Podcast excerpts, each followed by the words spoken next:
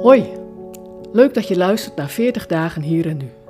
De podcast die je wil helpen om Jezus te volgen in jou, hier en nu. Het is zaterdag 12 maart. Je hebt van die Bijbelteksten die de feestvreugde lijken te bederven. Zo begint Theodor als hij schrijft en nadenkt over Psalm 139. Je hebt van die Bijbelteksten die de feestvreugde lijken te bederven. Die een schaduw werpen op de vreugde die je op weg naar het feest al kunt ervaren. God, breng toch de goddelozen om. Weg uit mijn ogen, jullie die bloed vergieten. Ze spreken kwaadaardig over u. Uw vijanden misbruiken uw naam. Vers 19 en 20 van Psalm 139. Zou je voor deze woorden tegenwoordig geen proces aan je broek krijgen wegens haat zaaien en oproepen tot geweld? En zijn er in de geschiedenis niet talloze voorbeelden van acties waardoor vijanden van God een kopje kleiner gemaakt werden in de naam van die God van de Bijbel? De mensen waar David het hier over heeft, zijn mensen die niet vriendelijk, maar fel bedanken voor het feest van God. Mensen die hun eigen feest willen vieren. Daarbij heel bewust tegen God ingaan. En als gevolg daarvan over lijken gaan. Jullie die bloed vergieten, zegt David. En dat doet David wat. Hij wordt erdoor geraakt.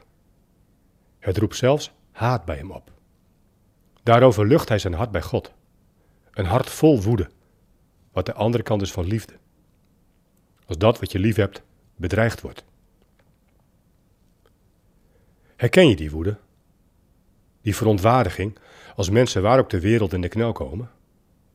Als mensen sterven door de bewuste actie van bijvoorbeeld dictators, die ten koste van alles gaan voor hun eigen feest? Vragen die door de actualiteit in de Oekraïne opeens dichtbij komen. Word je nog woedend als de hele situatie één groot misbruik van Gods goede naam is? Of raakt het je niet meer omdat je afgestompt bent? Of omdat je van jezelf niet boos mag worden? Laat staan dat je andere mensen zou mogen haten.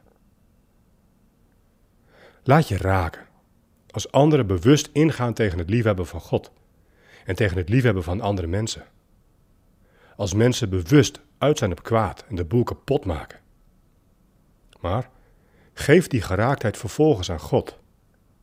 Door, zoals David doet, naar God je diepste donkere gedachten uit te spreken. God, ik ben woedend.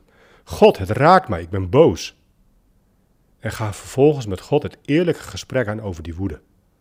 Om te onderzoeken hoe heilig die woede is. Doorgrond mij, God.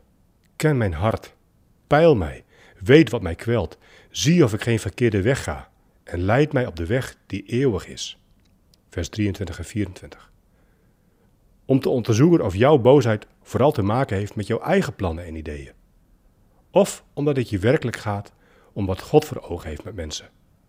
Hoe heilig is jouw woede en wat moet je er vervolgens mee? Leid mij op de weg die eeuwig is. Laat God je de weg naar Jezus wijzen, die zichzelf de weg met een hoofdletter noemde. Jezus die op weg was naar Jeruzalem, vastberaden terwijl hij wist wat er zou komen. Onderweg wilde men in een Samaritaans dorp hem niet ontvangen. De leerlingen Jacobus en Johannes hadden wel een idee wat er moest gebeuren. Heer, wilt u dat wij vuur uit de hemel afroepen, dat hen zal verteren? Heilige woede, zou je zeggen. Maar Jezus wees hen streng terecht. Hij gaat een bijzondere weg. Een weg waarop Gods oordeel niet verzwegen of weggepoetst wordt. Maar een weg waarop hij zelf Gods oordeel draagt. Leid mij op de weg die eeuwig is. Een weg die loopt via Goede Vrijdag en Pasen.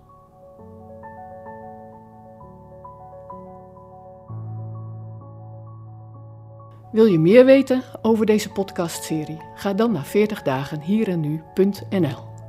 Voor de Bijbelteksten in deze podcast gebruiken we de NBV 21 van het Nederlands en Vlaams Bijbelgenootschap.